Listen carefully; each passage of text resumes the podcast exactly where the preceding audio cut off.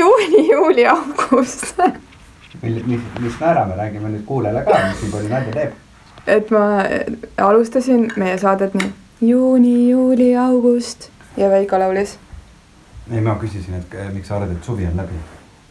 ja sa küsisid, miks ma maas istun. ma seda ka jah, et kas sa jäädki põrandale. jah, mõtlesin, et ma jään su kollasele vaibale, sellepärast et eh, siis ma olen suvega kõige rohkem kontaktis.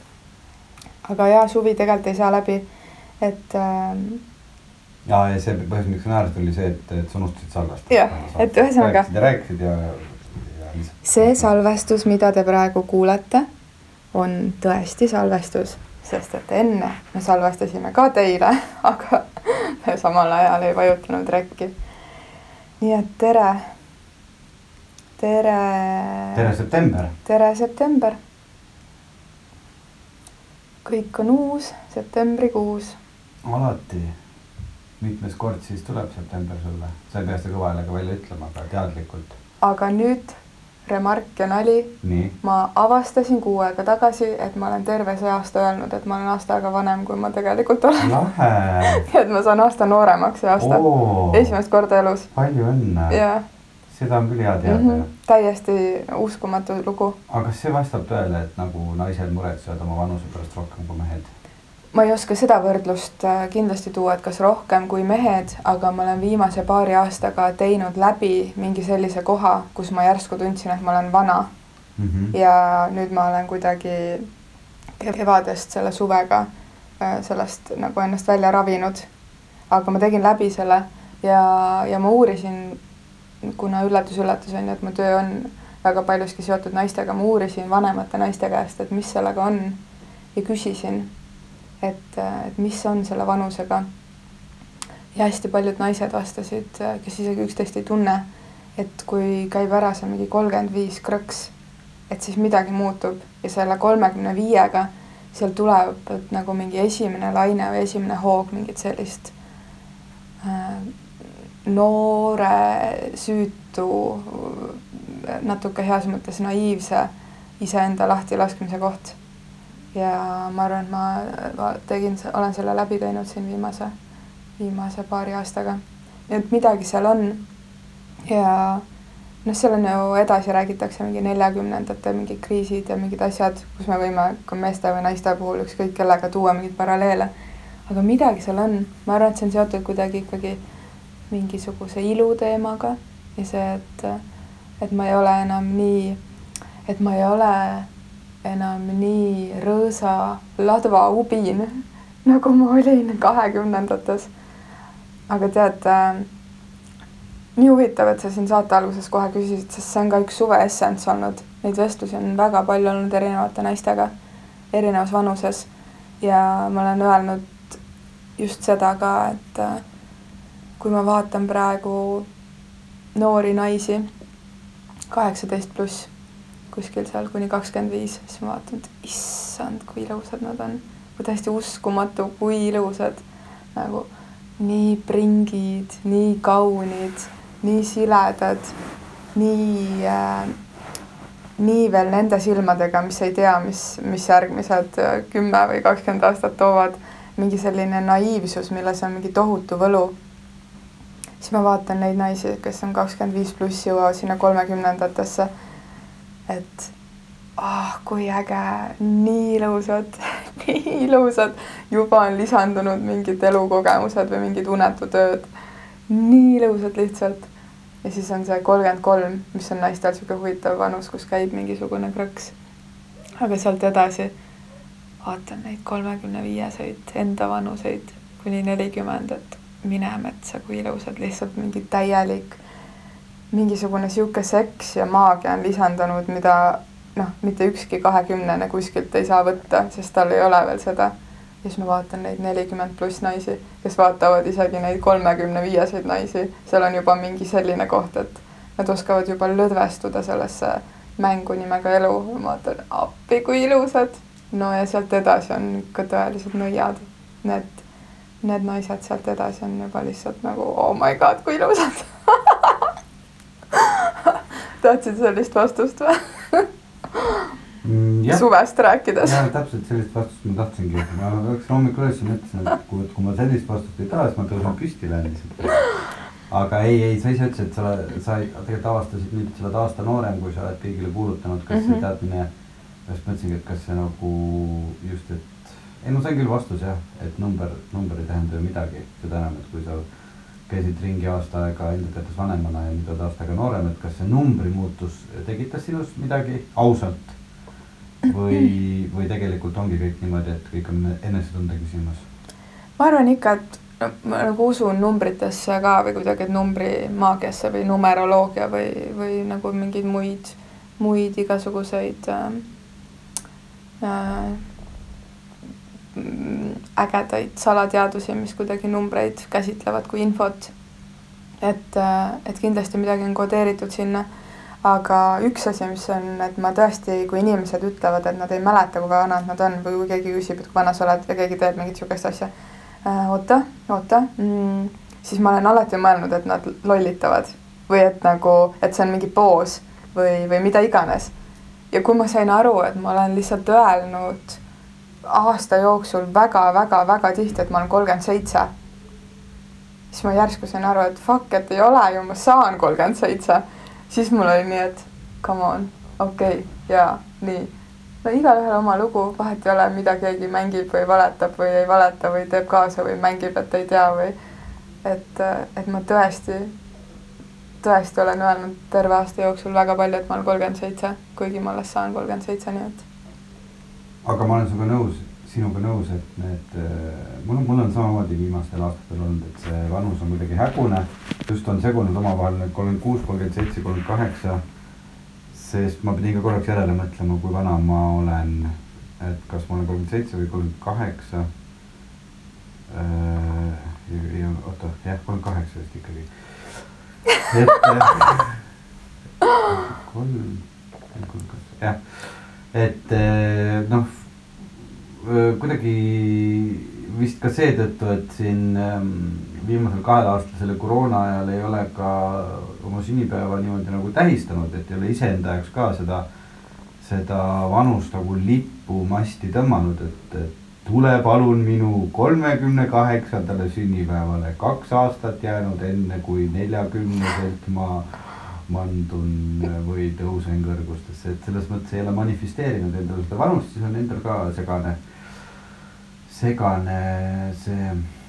kas sa, kas sa julged veel äh, täna sellisele, sellist lauset äh, enda suust välja öelda või sa oled juba nii vana, et sa ei julge enam öelda sellist lauset, ei no ma ütlesin selle peale, et kui mina suureks saan, siis mina ehitan hoopis sellise maja näiteks või kui mina suureks saan. Veiko, need su küsimused on nii täppi praegu kõigega, kus, kus ma olen liikunud või mis jutte ma olen rääkinud või kuulnud.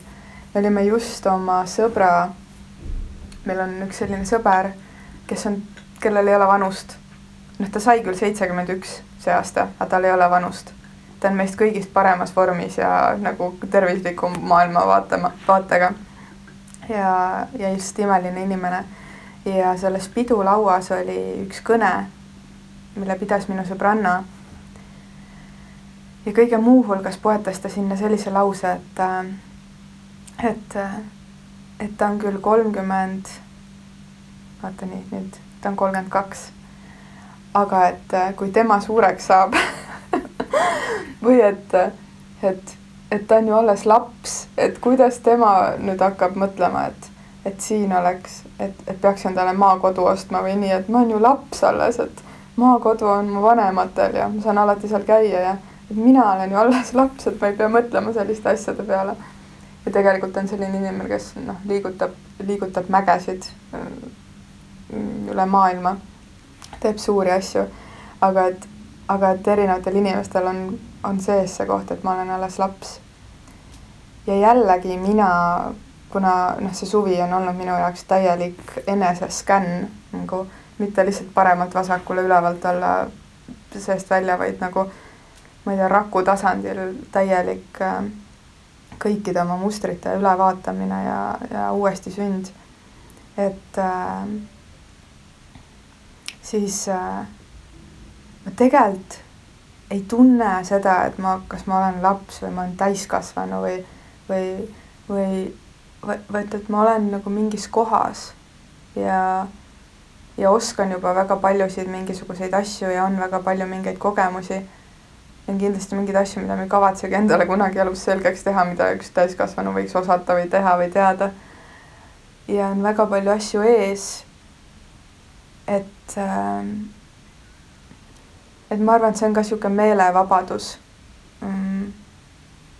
lubada lihtsalt kuidagi olla ja, ja ei peagi, peagi ütlema, et kas ma olen laps või, või olen täiskasvanu, et oma vanematele ma olen ikka laps ja, ja oma lapsele ma olen, olen ema ja, ja, ja kui keegi mind vaatab, siis, siis ilmselt ta paigutab mind kuskile aga, aga ma, ma just kohtusin suvel mingisuguste noortega, kes arvasid, et ma olen kakskümmend kuus. nii et äh, ma ei äh,, ei tea, ma arvan, ma olen heas kohas. Mina olen tihti just see suvi sattunud äh, nagu nendele mõtteradadele, et äh, paigutanud ennast kuidagi konteksti või noh, äh, mõelnud, oota, aga kui vanad olid minu vanemad, kui mina olin näiteks üheksa aastane. Pole üldse nagu mõelnud selle peale, sest kogu aeg tundub, et, et vanemad on ju vanad. aga no näiteks, kui ma olin üheksa aastane, siis minu ema oli, ma pakun kakskümmend kuus või kakskümmend seitse. Vau. et siis ma. laps. siis ma mõtlen küll, et vaata, kui sa oled laps, siis sulle tunduvad sinu vanemad ju õudselt täiskasvanud mm -hmm. ja mhm. väga nagu vastutustundlikud ja kõige targemad inimesed maailmas ja siis, kui sa oled ise selles vanuses mm, -hmm. siis sa mhm. tundud iseendale, et sa oled kõige nagu lapsem ja kõige lollim inimene maailmas ja kui ma ükskord suureks saan, vot siis alles, siis alles äh, ma näitan äh, seda asja, oota, mingist huvitav, üks täpsustav vaheküsimus, kuna sinu enda repliigist et on asju, mida sa ei kavatse endale elus mitte kunagi selgeks teha, lihtsalt üks, huvi pärast üks. no ma ei hakka ühendama mingeid juhtmeid kuskile. Ah,. õudselt tahaks, et sa hakkaks, mul on äh, vannitoa lülitis streigib ja tead, see on minu arust kohutav paanika, ma äh, kevadel suutsin lõpuks oma köögi mingi pistikud ära vahetada Youtube'i abiga. Aga elektriharidusega inimest oleks mul vaja hädasti oma sõbraks, nii et, et sa võiks tegelikult selle ära õppida, ma kutsuks, mul oleks paar tööd sulle küll kodus mm,. ma lihtsalt tunnen ka seda, et, et hästi paljud inimesed äh, teevadki endale hästi paljud asjad selgeks mm. -hmm. ja oskavadki väga paljusid asju, võib-olla mitte nagu parimal tasemel, aga nagu vajalikul tasemel, on ju. aga mina lihtsalt tunnen, et, et äh, see oleks minu potentsiaali raiskamine, kui ma kasutaks oma aega selleks, et teha endale mingi asi poole persega selgeks ja, ja et ma saaks midagi tehtud. Selle asemel saab selle ära teha täiesti imeline inimene, kes on ülihea selles. Ja mina saan temaga tuttavaks ja imetleda seda, kuidas ta teeb seda, mida ta teeb. nii et ma väga, väga arvan, et kõike ei pea ise oskama, kõike ei pea ise tegema.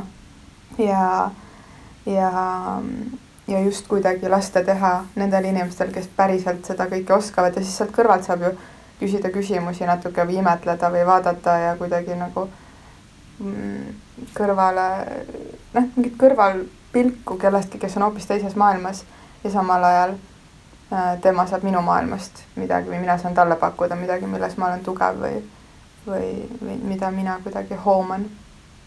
et äh, jaa, Veiko kas sellest on saanud sinu suvi? sest et ma hakkasin juba laulma maikuus. sellest saab meie suvi mm,. ma ei tea, raske öelda, iga suvi on ju suvi selles mõttes, et äh, ma õnneks ei ole küll äh,, ei mäleta ühtegi kevadet, kus ma mõtleks, et vot nüüd nüüd lõpuks ometi tuleb see suvi, et ma ei kahetse tegelikult ühtegi suve, mis mul on olnud, et ma arvan, kõik suved on saanud äh, minu suveks.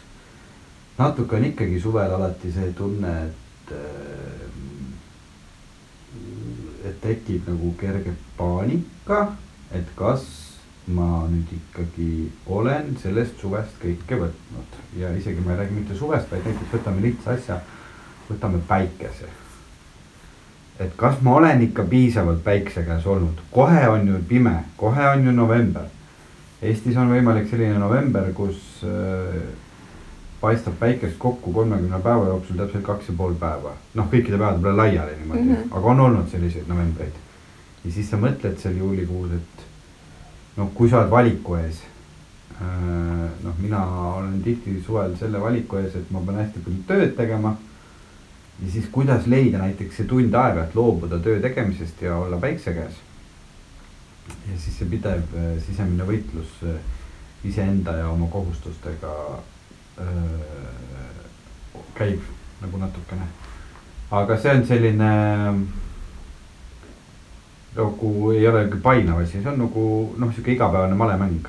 et sa nagu mõtled, okei okay,, mis käigu ma teen, kas, kas niipidi või naapidi. et äh, aga ikkagi, ikkagi tabab alati kuskil siin augusti teises pooles äh, äh selline suvelõpu paanika. Mul on tunne, paljusid inimesi tabab, et äh, nüüd kohe on september, kohe on kõik läbi. Nii, mis ma see suvi tegin, kas ma tegin kõik asjad ära, kas ma puhkasin, kas ma jõudsin kõiki neid asju teha, mis ma mõtlesin, et ma teen. et, äh, et see tuleb vist lasta endast kuidagi lihtsalt niimoodi, äh, niimoodi läbi, siis on kõik hästi. no kõrvale siis äh, lause, et, et kuna sa selle päikse mainisid ära, päikse piisavuse äh, võib-olla ainuke mure, mis mul seoses päiksega on olnud see suvi, on see, et, et me peaks vahepeal varju minema et äh, ma pole elu sees mitte kunagi, mitte iialgi olnud nii pruun, kui ma sellel suvel olin. ja see, ja ma pole elu sees mitte kunagi inimesed öelnud mulle, et issand, sa oled nii pruun jah, minu selle suve üks kokkulepe iseendaga oli ja, ja ma tegin kõik oma tööd ja kõik asjad nii ümber, et et äh, mul on vaja olla looduses mm, kogu aeg ja, ja kõige muu hulgas olen salvestanud seda päikest, päikest ka täiega. nii et äh, kui sul jääb puudu, siis äh, ma saan äh, laenata ei, ma ikkagi õnneks äh, olin nagu, suutsin ennast jagada nii päikese kui ka äh, katuse ja seinte vahel.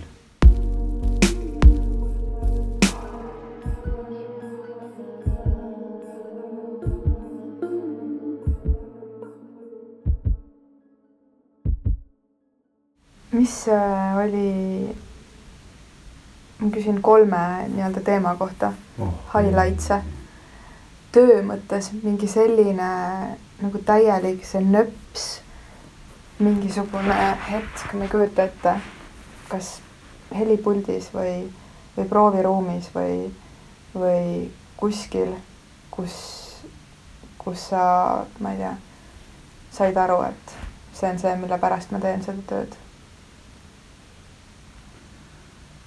Tead, need äh, õnneks on äh, kogu aeg need hetked ja seal on lihtsalt äh, mm, üks oluline asi, mida tuleb meeles pidada, vahet pole, mis tööd sa teed, ükskõik mis tööd sa teed, kas sa parandad äh, seda mm, valida lülitit või, või siis äh, lavastad kuskil ooperit.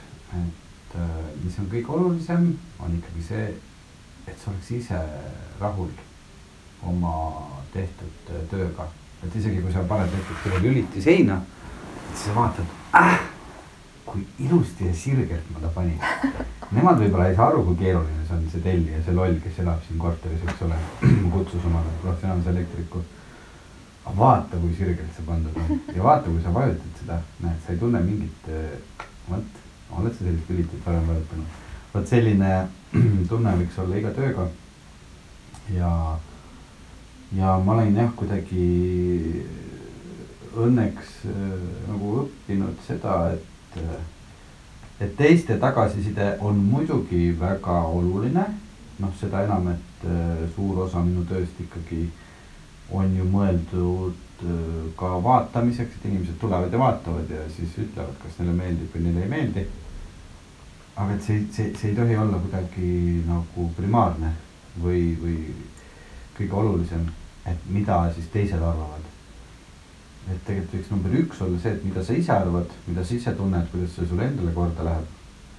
ja siis minna selle järgmise sammu juurde, et kui sa oled nagu enda jaoks ära öelnud, et jah, ma olen sellega rahul, mis ma tegin või, või ei ole rahul, noh, ise tead, ise tead, mis on, et siis võtta see teiste tagasiside vastu. ja, ja kuula, mis äh, nemad ütlevad ja proovi ka sellest siis kuidagi õppida. Või proovi seda analüüsida või proovi seda, seda vastupeegeldust äh, kuidagi siis äh, arvesse võtta ja, ja ise selle pealt areneda aga ma arvan küll, et ma võib-olla jah, selle highlight'ina võtan äh, tegelikult siin nagu augusti lõpu selle ühe viimase asja, äh, mis ma tegin Estonias ühte Mozarti ooperit. ja tundsin ise, et, et läks nagu väga hästi.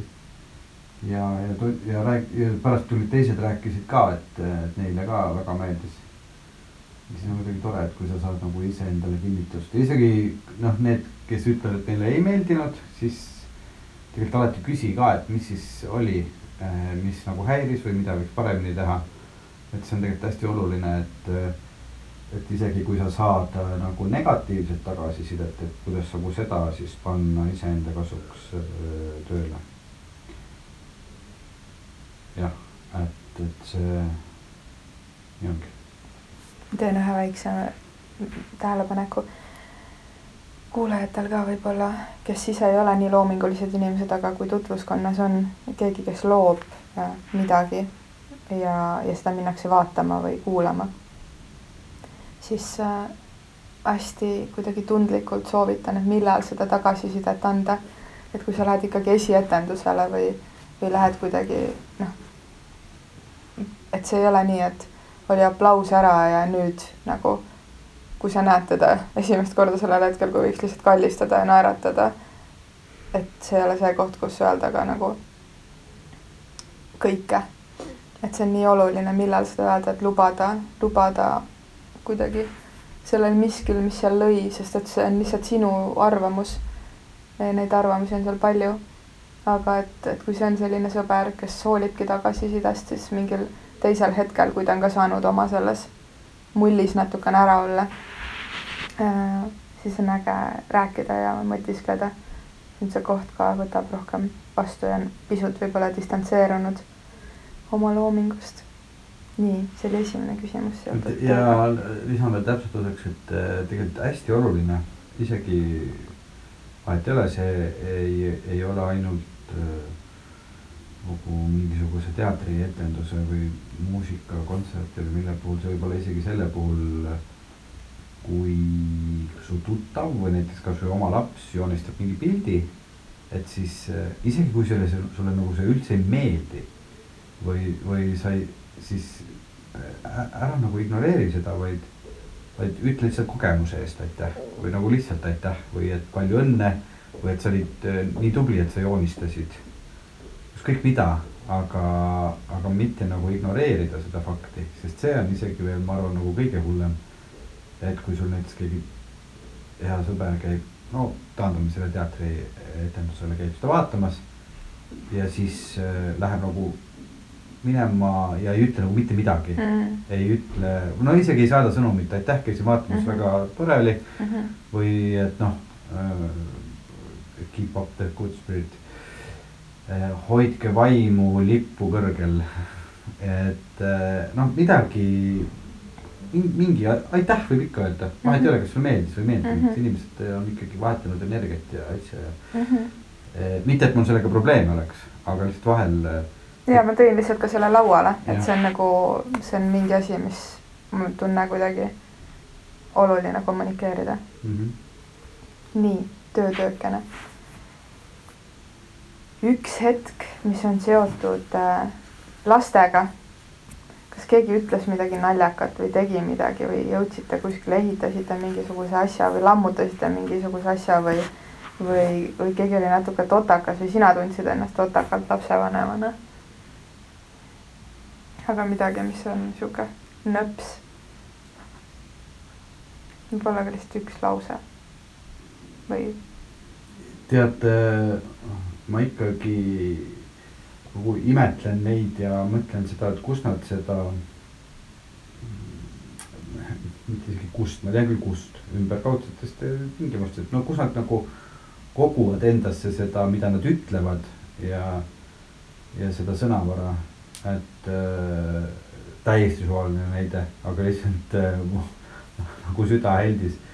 kas see ei olnudki eile õhtul äkki või see oli üleeile õhtul, kui mu viieaastane poeg ähm, läks vanni ja, ja siis ütles, palun nüüd kõigil lahkuda, ma vajan natuke privaatsust see on lihtsalt nii tore et ta lihtsalt nagu suutis ka mingisuguse võõrsõna kuskilt tuua mm, -hmm. no tõenäoliselt kuskilt kuulis seda väljendit, aga nii armas, et nad seda nagu kasutavad ja siis kuidagi no endal oli ka kohe ja vabandust härra, ma kohe lahkun, teie privaatsus on siin ja tegelege mm -hmm. oma selle vannivahu ja selle laevaga, et ma tõesti ei vaata, et kas te valate salaja vanni taha vett kannutäie või te ei tee seda, no tõenäoliselt ta teeb seda, kui ta privaatsust palub.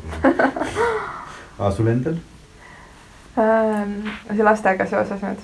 sama küsimus. jaa ähm,.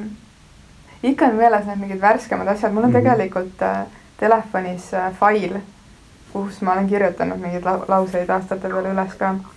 aga tuli praegu meelde, et kuidagi ma ei ole see suvi, mis äkki niisugune suur üldistus, aga ma ei ole see suvi kuidagi väga märganud, või noh, ei ole olnud selliseid hetki, kus ma läheks endast välja või kuidagi mida, mida mingisuguses linna, kooli ja koduses olmekeskkonnas võib aeg-ajalt juhtuda. aga, aga oli üks hetk, kus ma, ma arvan, ma olen kuidagi nagu niimoodi ei saanud äh, nagu sõnad sabas kinni ja tundsin, et ikkagi tahaks natukene nagu olla ninatark mingi lausega. ma ei mäleta täpselt, mis see oli, aga kuidagi, et äh, oli olnud mingi olukord ja siis äh, ja, ja tundus, et nüüd saab nagu ära panna, onju. ja see on alati see, mida ma tegelikult nagu õpetan ka, et see on täpselt see koht, kus sul on valik seda mitte teha, isegi kui nagu mingisuguses sitcomi stsenaariumis see oleks see koht, kus publik oleks nii. ai, kui hea see oli, nätaki. ja kuna ma ise mõtlen ju kirjutades ja, ja loovalt ja režissöörina ka onju, see minu elu ongi vahepeal nii, et nagu kuidas võtta välja sealt stsenaariumist neid lauseid, mis nagu oleks nii head filmis või, või laval. aga ühesõnaga, ma siis viskasin selle oma lapsele, selle lause, mille peale tema võttis pausi, mis päriselt kandis, vaatas mulle otsa, astus sammu lähemale ja siis küsis mu käest, et et äh,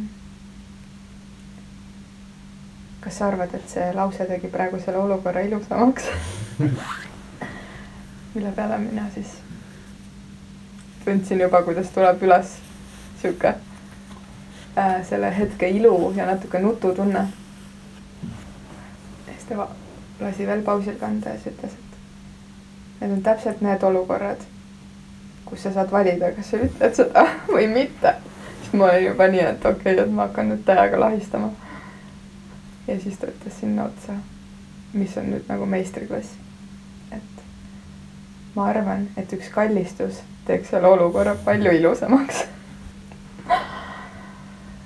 et äh, väga rets, üliilus. Hmm.. sest et kui ta oleks jäänud ainult kahe esimese lause peale, see oleks olnud juba nagu vau. Ja, ja see oleks ikkagi olnud mingis mõttes nagu sihuke vastu, vastulöök, aga väga hoitult ja tasakaalutatult. aga, aga pakkuda sinna lõppu ikkagi see kallistus, et kõik saaks sellest hetkest nüüd paremaks minna, oli, tegi mul nii relvituks ja mingi täielik ähm, märguanne. aga üks teine ilus hetk seotud lastega suvel, kuna ma tõesti olen selle suve noh, praktiliselt üleni Kalanas Hiiumaal veetnud, oli nii, et äh, meile tulid äh, kaksteist last külla, vahepeal niimoodi siuksed äh, pidžaamapeod. ja siis on kolm, kolm umbes kaheksa aastast tüdrukut, kes siis mängisid äh, ühes ja teises talus niimoodi vahepeal aegamööda vahetustega ja, ja oli meie juures nii-öelda kord hoida neid ja, ja siis nad läksid ennast, läksid hambaid pesema mere äärde. ja seal üks suur kivi, ma ütlesin, et, et minge sinna suure kivi äärde hambaid pesema, ma teen teile voodi ära, onju. ja need on juba olnud seal kümme minutit ja, ja juba nagu sihuke, aga ma kuulen kogu aeg nagu kilkeid mere äärest, et kõik on hästi, onju. Ja siis, kui juba nad on üle veerand tunni seal olnud, siis ma läksin vaatama, et mis nad teevad, onju Nad olid kõik oma pidžaamad, kõik asjad seljast ära võtnud ja läinud, meri oli peegelsile, läinud paljalt lihtsalt merre suurest kivist edasi ja ujusid seal kuuvalgel. ja siis ma lihtsalt vaatasin neid. Ma arvan, et see on kõige ilusam kaader, mis ma kunagi näinud olen, mis on kuidagi looduse ja inimestega seotud vaatasin neid noori naisi, kes lihtsalt niimoodi tõusva kuuga seal meres ujusid ja kilkasid. ja mõtlesin, et ma olen midagi elus ikka väga õigesti teinud. lasin neil selle aja võtta ja, ja siis tassisin nad kõik pärast ükshaaval rätikutes magama. aga selles oli mingi selline hõrk, hõrk koostöö väikeste naiste ja looduse vahel. kolmas küsimus ongi seotud loodusega. et mingisugune hetk looduses, ükskõik, kas see oli siis, kui soe liiv läks pepu vahele, varba vahele, kaenla alla või nägid mingit looma või lindu või, või, või keegi lohistas oma jalgu vees või, või midagi õõtsus tuules. Mul on ikkagi see kõige sellisemad suuremad eneseületu-, eneseületused minu elus on seotud äh, vette minekuga. Et äh, no ma kuulun nende, oma statistika järgi ma pakun viieteist kuni kahekümne protsendi inimeste hulka, võib-olla neid on ka kümme protsenti kelle jaoks meri Eestis on kogu aeg liiga külm, et sinna ujuma minna, sest see on lihtsalt nagu alla kahekümne nelja kraadi ja ma ei saa sinna minna. või nagu ta on eriti alla kahekümne, siis see on vist enesetav. et äh, lihtsalt see, et äh, ma olen suutnud kaks korda teha seda eneseületust, et ma olen läinud see suvi ühe korra alla kahekümne kraadisesse merre. see oli küll äh, ebameeldiv, vastik ja hirmutav, aga ma tegin selle ära. pärast oli väga okei okay olla ja teine samalaadne kogemus oli siis rattamatkal ühe rabajärvega. kuhu ma läksin ka lihtsalt jõuga sisse, et, et see linnuke oleks kirjas, et ma olen ujunud ka Rabajärves. et see nüüd ei olnud küll kuidagi nagu iluga seotud, looduse iluga seotud küsimus, see oli võib-olla nagu,. looduse valuga. jah, minu, minu valuga jaheda vee suhtes et äh, aga võib-olla siis ma tahtsingi rääkida nendest eneseületustest, et, äh, et võtta see mingi asi ette, mida, mida kohe nagu ei julge või ei taha teha, et siis tegelikult pärast on ju noh, pärast kui sa sealt Rabajärvest või merest välja ronid, on ju, on ju väga ilus ja väga mõnus ja seal sees olles ka, et ei ole ju mingisugune mingisugune mõrvarlikult külm, seal on kuuekraadine meri, eks ole, kus mingid inimesed millegipärast käivad, ma ei tea, mis seal viga on. no kuule, Veiko, mina olen ju käinud kolm aastat külmas vees onju mm -hmm. talvel. kas sa arvad, et selle, sellega nagu paralleelselt on Eesti meri suvel minu jaoks soojemaks läinud või? ei ole mm. -mm.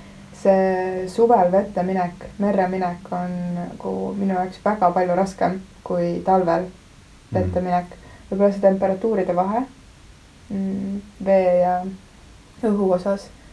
aga, aga ma olen ikkagi päris palju käinud vees ja, ja meri on väga soe olnud. ja nüüd ma just äh,, ma mõtlesin seda, et huvitav, et Rabajärved on ju soojad tavaliselt, et kuidas see Rabajärv sul nii külm oli? No ta ei olnudki nii külm, teiste jaoks ta oli. sinu jaoks. kuigi teised osad ikka ütlesid ka, et ta on juba jahe ahah, et oleneb, ma ei tea, vist olenes, see oli mingi, see oli mingi suur lahmakas raba ja ahah. no igatahes, tõesti suur. mis raba see oli? igal juhul ta asub Raplamaal Mhm. ja ma täna ei ütle sulle, mis raba see on Mhm. ma jään vastus veel las jääda minu saladuseks. jaa, igatahes äh, kuna ma olen olnud mere ääres terve suvi saare peal, siis ma olen juba orgunnimas endale mm, väikest matka, sest et mul on äh, minu eneseületus, mis võiks nüüd siit see hetk praegusest hetkest aasta jooksul saada rohkem tähelepanu, on see, et äh, ma tahan proovida ja osata rohkem matkata looduses. ja ma tean, et ma ei oska seda teha ma olen täpselt see tüüp, kes paneb endale autosse kõik vajalikud asjad, et juhul, kui mul läheb vaja seda, seda, seda või äkki on ikkagi valgus, nii et ma tahan panna teise jope selga, et ma oleks ilusam. ma tunneks ennast ilusamalt. et, et see, et mahutada ära kotti need vajalikud miinimumasjad, no see on minu puhul noh, keegi peab välja ravima selle, et üldse saaks juhtuda see või siis see, et ma siis ikkagi magaks autos sest see suvi, selle suve meeletult äge häkk on see, kui ma käisin baaris laagris, mis olid Hiiumaal teemal, oli see, et madrats autosse istmed alla ja see oli imeline, nii mõnus, täiesti lõpp. ja ma sattusin ühes laagris sellisesse olukorda, kus äh, oli meeletu tuul, ma sain auto parkida mereäärsele niidule ja välku lõi terve öö, sadas ja siis vahepeal, kui pilved läksid laiali ja tekkisid äh, augud taevasse ja paistsid tähed, siis nendest pilveaukudest langesid tähed terve öö. nii et mul on olnud üks selline öö, mida sai tunnistada just auto aknast, sest et aknast sa nägid taevasse ja see oli nii mõnus ja soe olla. aga korraks selle matkamise juurde tagasi tulla see, et on üks äh, ilus võõras, kes korraldab matkasid ja olen talle juba kirjutanud, et palun nüüd mulle tutvustada mõnda raba või mingisugust sellist olemist siin looduses, et saaks veel taevast vaadata enne, enne sügiskülmi ja, ja et näha siin, siinpoolset loodust. ja Rabajärve tahaks väga ujuma minna.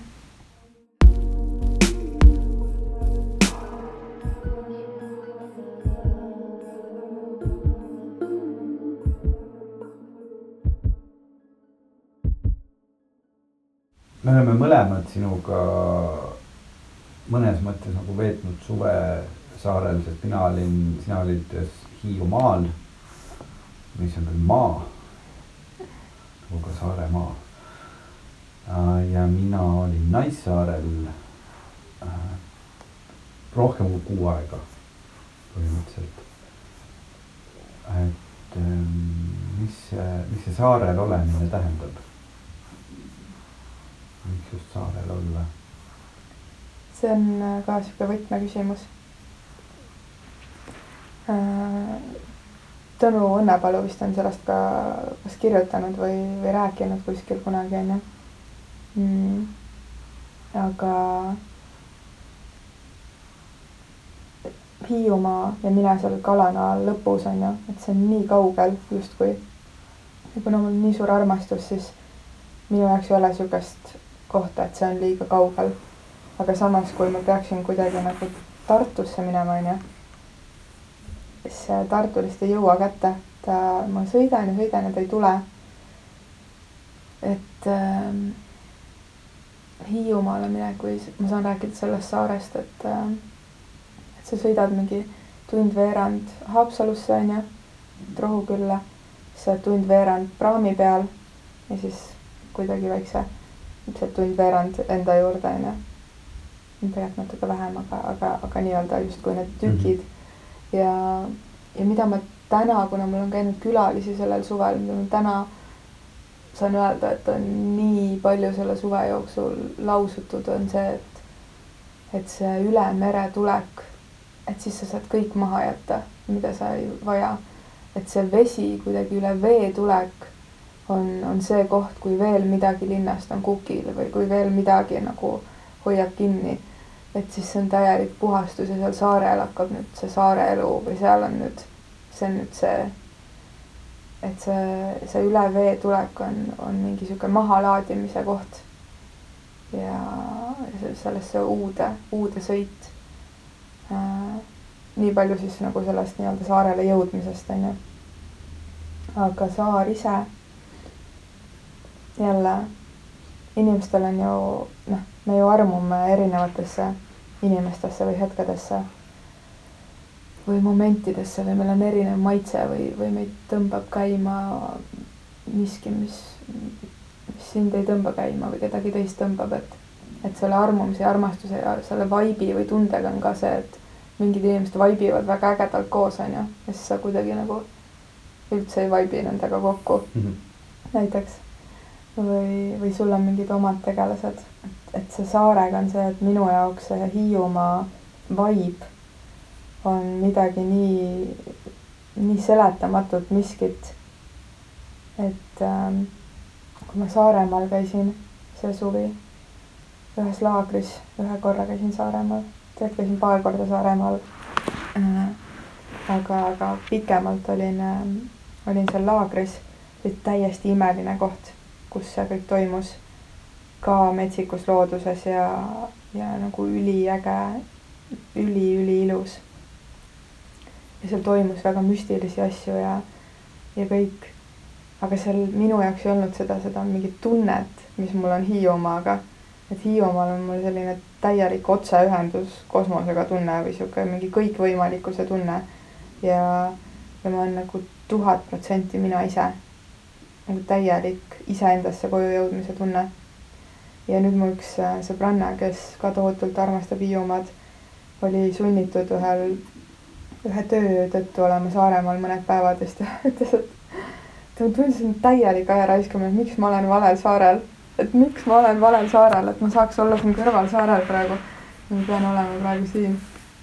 et äh, ja see ei ole see jutt, et üks saar on vale või teine on õige, aga lihtsalt see tunne on ju et mi-, no, kellesse, millesse me armume. üks saar nagu sobib ühte tüüpi inimestele ja teine saar sobib teist tüüpi. samamoodi nagu suhetes või, või, või milles iganes muusikas, mida me valime kuulata või keegi tunneb ära selle miski. et minul jah, kuidagi selle Hiiumaaga ja, ja tegelikult ei ole ka ainult üleni Hiiumaaga, vaid on, mul on just see Kõpu poolsaar on ju. et selle Kõpu poolsaarega on mingi selline noh, mingi lugu. nii et aga Naissaar. ja seal on seesama mm, asi, see veepiir seal vahepeal. Naissaar on muidugi selles mõttes on müstiline saar, et ta on ju Tallinnale nii lähedal. ta on meritsi, noh, hästi umbropsu ütlen kümme kilomeetrit. võib-olla on kaheksa, võib-olla on kaksteist, ma ei tea. ja mm, noh, need äh, meie minekud sinna saarele noh, me läksime ju ka harva, et ikkagi läksime sinna korraga kümneks päevaks või nädalaks või viieteistkümneks päevaks või et sa noh, ei ole niimoodi. et sa sõidad äh, hommikul sinna tööle ja tuled õhtul tagasi, et see on, on lihtsalt nagu nii kulukas, et vedada neid inimesi äh, üle ja ei ole ka mõtet nii palju kütust raisata. ja aga ma arvan, et ka seesama, see vibe on ju, et hoida seda tšutšut, seda miskit seal, et inimesed ei käi ära selle saarega ongi selline huvitav asi, et äh, see äh, Omari küün, äh, kus see Nargeni festival toimub ja kogu see Tõnu Kaljuste kompleks seal, ta asub Lõunakülas, kohe mere ääres. nii et põhimõtteliselt saad sa seal õhtul õues istudes vaadata Tallinnat, sa näed Tallinnat, noh, sest et meist mereni on võib-olla mingi kakssada meetrit, sealt mäede vahelt on suur vaade ja, ja Tallinn on üle mere kohe. et lihtsalt see on nii huvitav perspektiiv sellele linnale. et äh, tekivad mingisugused teised äh, mõtted ja teised äh, tunded. ja just see, et sa näed, näedki seda oma linna, kus sa muidu elad, hoopis nagu mingi teise külje peal. ja seal on tihti seda, et kui saabub õhtu ja päike hakkab loojuma siis see Tallinn peegeldab seda päikest tagasi, et seal on mingid mingid suured, mingid klaasist majad, mis nagu peegeldavad Naissaarele päikest. tundub küll, et see kõik nii kaugel, et kuidas see võimalik on. aga et mingid õhtused need linnahelgid ja sa ise oled seal eemal ja mõtled, issand, kui mõnus, ma olen siin eemal. ma näen seal inimesed sebivad, rebivad, sõidavad autodega ringi. teine variant on see, et tihti on see, et ma ei tea, kuidas see Naissaar on niimoodi looduse poolt ehitatud. et, et see vihm kipub tast alati mööda minema mm.. see ei ole õnnistus nendele inimestele, kes tahavad, et vihm kastaks vahepeal, eriti sellel suvel. Mm, noh, seal ikka tuleb, seal ikka tuleb ka vihma, aga ma arvan, poole vähem kui Tallinnas. ja siis istuda seal samamoodi õhtuses päikeseloojangus ja vaadata, kuidas taine peal on suur must pilv sajab. ja, ja siis saare peal sul ei saja on, on õnnistatud selle asukohaga. aga need tulekud jah, üle mere, need on iga kord erinevad ka, sest me sõidame sinna sellise lahtise kiirpaadiga. kaksi-raksi paadiga. jah, mis on muideks üks kõige turvalisemaid meresõidukeid. noh, selles mõttes, kui tulevad, tuleb, peaks tulema mingid suured lained või hiigeltormid. ja, ja see on ka nii erinev, kuidas see minek või tulek siin on, sest et kui sa näiteks lähed Hiiumaale see on ikkagi kuidagi nagu rohkem äh, kontrollitud minek, sest sul on see üks suur laev, vahet ei ole, mis ilm on, ta ikkagi nagu läheb ilusasti ja. tegelikult sa... ei lähe iga ilmaga. no iga ilmaga ta ei lähe, aga sa oled ikkagi seal äh, sees mm -hmm. ja kõigub rohkem, kõigub vähem mm -hmm. on mhm. seal puhastel seal aknast, mis seal paistab. aga kui sa oled laht-, noh, kui sa võtad nagu kabriolettauto ja mm -hmm. sõidad sellega üle mere ja, ja siis sa jõuad kohale niimoodi, et sa oled üleni läbimärg pesuni. Äh, sest et äh, on olnud selline laine, et ta lihtsalt pritsibki sind märjaks ja midagi ei ole teha. kui sa teatud laine kõrgusest on suurem, siis sa oledki läbimärg ja jõuad sinna saarele. et noh, me oleme sileda ilmaga sõitnud sinna kümme minutit, me oleme sinna lainetega sõitnud viiskümmend minutit. päriselt? ja ma olen sõitnud ühe korraga poolteist tundi kus sadas vihma ja rahet ja kõike muud ja palusin kõiki jõude, et äh, jõuaks elusana, palun äh, Tallinnasse kohale. et see on nii erinev äh, kogemus, see minek sinna, aga just ongi, et sul on nagu mingi koht ja see ei pea olema saar. ma arvan, et see võib olla iga inimese jaoks, ükskõik mis koht see on Eestis, see võib olla su vanaemate maakodu või su enda maakodu või kuskil järve kaldal, jõe kaldal, raba ääres, mis iganes aga see on mingi koht, kus sa ikkagi nagu põgened või, või nagu lähed suvitama või lähed kuidagi nagu sellest keskkonnast eemale, kus sa oled ja seal on hoopis mingid teised äh,. sa elad seal natuke nagu teist elu, et sa elad, seal on seal mingid teised emotsioonid, teised õhnad, teised nagu tunded, teistmoodi logistika. noh, ongi, et sa ei läheks Tallinnas elu sees mere äärde hambaid pesema ju mm., et äh, noh, omas mõttes, et nagu mis sa nüüd ikka mere äärde hambaid pesema, kui sa vanni toas ära.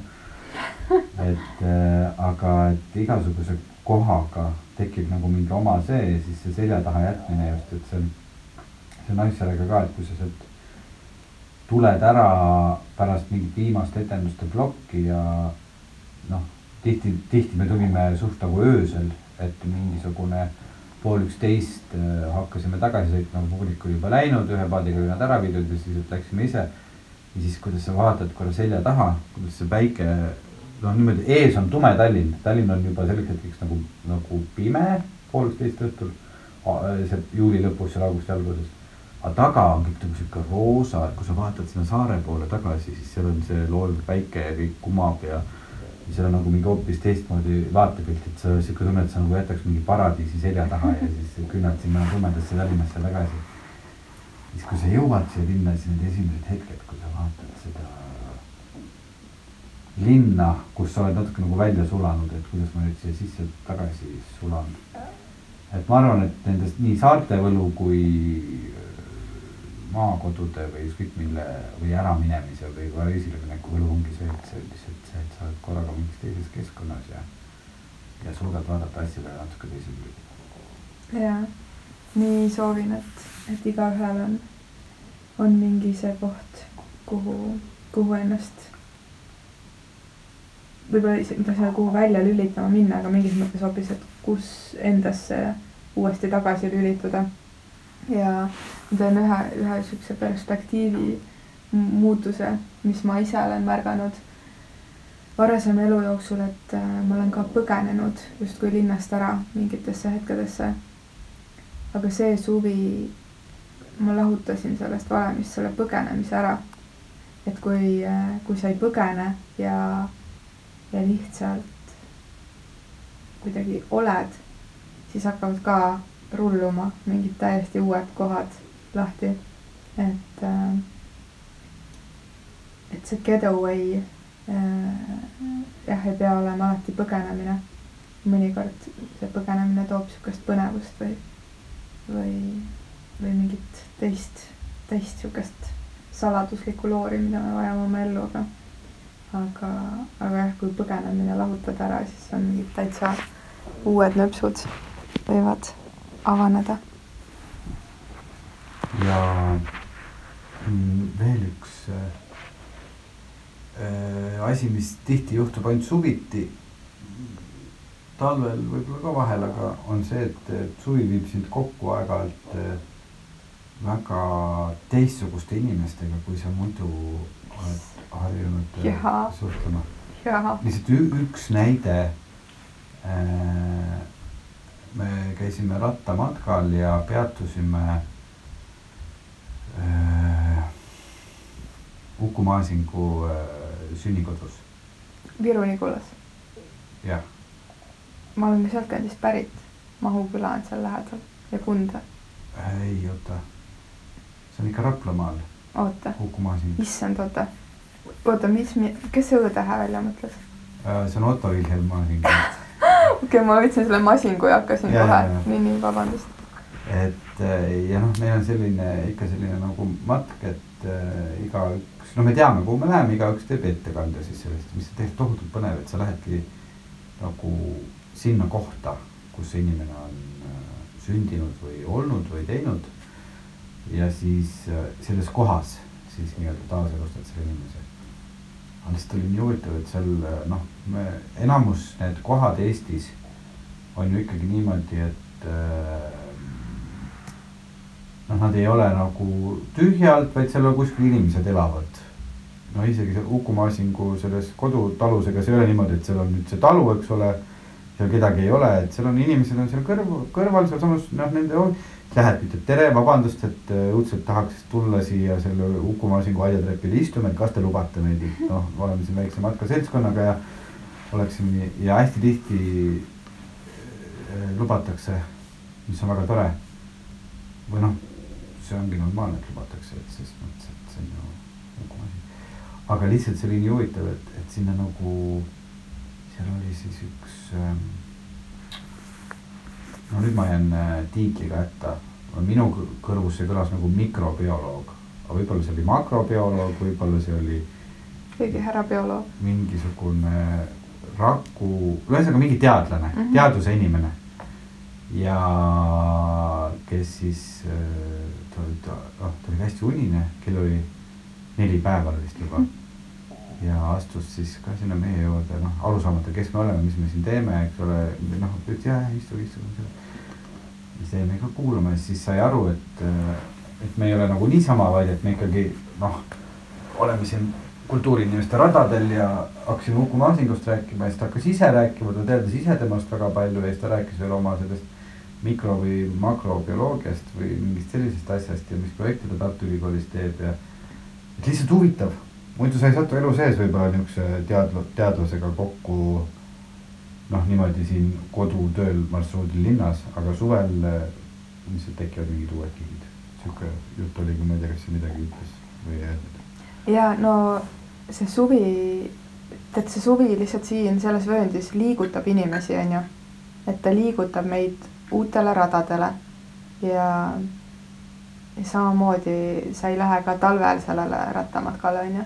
et, et lihtsalt see suvi liigutab meid sellistesse kohtadesse, kus meil ongi võimalus kohtuda uute inimestega ja kuna minu, minul sellel suvel oli, oli nii-öelda kõige muu kõrval see, et ma, et minu juurde jõudsid erinevad inimesed teele või, või, või telkima, siis, ma kohtusin ju ka täiesti imeliste inimestega ja noh, sellised lood, kes kuidas üldse jõudis kohale, mis, millega ta tegeleb või kuidas ta mõtleb või, või nagu see on nii äge olnud lihtsalt, täielik avardumine. ja, ja kuidagi, kui sa kohtud nendega kuskil mere ääres lõket tehes, siis seal ei, sa ei keskendu erinevustele Äh, see ongi see koht, kus me saame lõkke ääres kokku ja lihtsalt sa kuulatad ja selles, selles nagu äh, looduse hoituses on, on meis kõigis olemas see koht, mis ei anna hinnanguid või kuidagi nagu kuulatad ja, ja, ja kasvad, ma olen tänulik. et äh, ma ka täiesti nõus, mul ei ole isegi seda ühte näidet tuua, sest et neid lugusid on lihtsalt no ikkagi kümneid, kümneid, milliste inimestega, kuidas on olnud võimalus kohtuda. kas sa mingit looma või ägedat lindu oled ka näinud, mis üllatas mm,? no üllatas äh,. ei noh, ma olen kõiki neid loomi elus näinud, meil näiteks Naissaarel ühel õhtul oli meil külas üks siil, kes ei tahtnudki ära minna, sest et selgus, et on suur Pringlesi krõpsufänn ja ta käis nagu maas seda krõpsupuru, no meil oli seal niimoodi, et noh, kuna me olime seal saarel nii õhtuid ja õhtuid ja mõtlesime välja erinevaid äh, meelelahutusi, siis meil oli seal kinoõhtu oli tehtud, kõik äh, voodilinast oli siis ekraan pandud sinna seina peale ja vaatasime mingit sarja ja kõik seal diivanid ja siis äh, mõtlesin, et me oleme hästi mugavaks, et kes teab, mis asi on sekser, et see on nagu selline äh, pisikeste kausikestega erinevate toiduvalik, et siis me olime ka lasknud mandrilt tuua endale siis kõike sorte Bengalsi krõpse, mingeid oliive, mingeid rikaste inimeste juustu, eks ole. teinud endale mingid Aperol spritsid, midagi ja no siis tuleb see siil ja me viisime teda korduvalt ära. sest noh, me mõtlesime, et ega ta ei tohi ju krõpsu süüa, see siil saab pärast plahvatab või noh, ma ei tea, mis temaga juhtub. ja siis äh,, aga ta ei andnud alla, ta tuli ikka kogu aeg tagasi ja võib-olla see oli ka sellepärast, et äh, päeval oli keegi käinud seal suures sadamas ja restoranist äh, avastanud, et seal müüakse Sinimere karpe. ja kui sa oled saare peal ja söönud nädal aega sellist nagu kodust toitu, siis kui keegi ütleb, aa, Sinimere karbid, eks ole, siis kohe toodi ja siis läks mingit ka neid Sinimere karbivedelikku veel sinna õue meil maha, et võib-olla need karbivedelik ja siis krõpsud ja kõik see ja siis natuke oli mure selle siili pärast, et et kas, kui me hommikul üles ärkame, et kas ta on kuskil lõhki läinud kuskil põõsa ääres või? no see on ka, et tasub ära öelda, et ärge palun siilidele piima pange, vaid kui pannud. midagi aias tahate panna, siis pange kassitoitu või, või, või midagi sellist. aga sinu loom? no mul on olnud kõike, aga, aga nagu nii palju loome, linde ja putukaid ei ole ma kunagi enda juures seal mere ääres näinud kui see aasta. selles mõttes, et mul ei ole seal sääski üldse, onju. aga nagu ma ikka rohutirtsud, rohutirtsud ja see siristamine, mis muidu sa kuuled kuskil Lõuna-Eesti heinamaadel mm, -hmm. see mul nagu konstantne lihtsalt sirin olnud terve suvi, pole elu sees nii palju rohutirtse olnud ähm,. aga nüüd suve lõppu, viimased kolm päeva, kui ma Hiiumaal olin meil hakkas lihtsalt merikotkas tiirutama rannas. ja väga mitmed inimesed nägid teda, siis tuli, lendas, lendas ja lendas ja käis. kuidagi nagu hästi suures tänus võtsin selle mingi sellise märgina vastu. ja, ja mul on mingid siuksed paar road trip'i ka siin suvel, kus on olnud tee ääres mingi kits ma panen auto seisma, tõesti ei lähe ära, siis me vaatame seal üks teist ja siis ta vahepeal jookseb, jookseb, tuleb tagasi. et mingid siuksed suhtlevad loomad, nagu sa selle siiliga ütlesid. Ähm, ja metssiga olen näinud sellel suvel ja, ja hirvesid ja punahirve ja, ja palju-palju igasuguseid kullilisi, kakulisi. Äh, aga jah, võib-olla need merikotkad siin suve lõpus enda rannast Iirlannis on olnud sihuke suur, suur kingitus mm. -hmm. aga selle kõigega, mis me siin täna oleme rääkinud, äh, mina tahakski veel öelda, et, et kõik ei ole veel läbi mm. -hmm. selles mõttes, et kuigi meil on siin septembri alguses ilmad läinud juba palju kehvemaks, mis iganes. aga et kui te vähegi saate, siis äh, koguge neid äh, mälestusi. et siis on vaata, mille najal nagu talvel siin pimedas hakkama saada, et vahet ei ole, kas need on nagu krõpsu lunivatsiilid või, või, või metsas elavad teadlased või kes iganes, et kui vähegi on võimalik autole või jalgrattale või jalgadele panna aur sisse, siis ja leida endale kasvõi üks päev, et minge kuskile, kus te ei ole käinud või minge kellegagi, kellega te pole ammu käinud ja vaadake, mis saama hakkab. ja see suve salvestamine on minu sihuke mantra olnud ka ja, ja mul sama tunne, et, et see linnatulek on hästi suur kontrast aga proovin hästi mahedalt kuidagi rahulikult, rahulikult hakata kümnele tuhandele vastamata meilile vastama ja rahulikult äh, uut stuudiot äh, hakata sisustama ja, ja, ja kutsuma, kutsuma külla, et äh, kuidagi seesama, et ei tõmba endale ise mingit linnasurvet peale, vaid hoiad seda kõike, märkad ja ja salvestad edasi. et, et Tallinn on ka nii ilus linn, kus elada ja meil on nii palju loodust linnas ja linna lähedal, et vist vahepeal kümme mintsa autoga sõita ja viskad pikali kuskile roostiku vahele, täiega mõnus. oh, tore Veiko kohtuda ja kõik on, kõik on nii, nagu on kõik on uus septembrikuus. tere, tere, tere september. tere kool. tere kool. elukool jätkub. tere, koma, üte. palju õnne, koma, üte. ma just tegelikult panen selle selgeks. Kas, ma ei tea nüüd siin täitsa saate lõppu, et ma ikka üritan kogu aeg seda keelenatsi endas alla suruda, aga ma, ma lihtsalt ei suuda, kui keegi kirjutab äh, Facebookis kellelegi palju õnne ja äh, palju õnne, Riho näiteks. ja ei pane seda koma sinna Riho ette ja siis ma niimoodi, Veiko, sa ei sa ei pea sellele inimesele seda ütlema. kas sa oled nii, et Veiko, koma, sa ei pea sellele inimesele? sa ei pea sellele inimesele seda ütlema, koma, sest see ei ole oluline hetkel, ta soovib palju õnne ja. sest et Riho on õnnelik. Riho on õnnelik ja see inimene on õnnelik ja kui see koma on sealt puudu, no mis seal ikka siis, ega see õnnesoov sellepärast väiksem ei ole. üldse ei ole. jah, aga kui saate, palun pange koma, tere, koma, kool. tere, koma Elina, kirjutan sulle esimest korda. ja mis see teine probleem oli, mis see teine üte oli, palju õnne, koma, Elina kullad, äh, me pole teid unustanud. Patroonidele tuleb ka mõne aja pärast väiksed, väiksed äh, sellised mõnusad nöpsud ja mõni meditatsioon on ka tulemas. võite jagada meiega enda suve seiklusi mm.. nii et kui sul on ka mingisugused mõnusad nöpsud, ühed väga ägedad hetked suvest ja sa suudad nad niimoodi kontsentreeritult äh, kirja panna, siis saada meile teele ja kui me saame neid piisavalt palju, siis äkki me teeme ühe saate teie kõigi suvekirjadest ka. just, mind väga huvitab, äh, kuna Elina on kasutanud viimase viie minuti jooksul umbes seitse korda sõna nöps, et siis äh, tahaks kõiki neid nöpse siis saada aga kuulge nööpsud nööpsudeni siis. ja taega. aitäh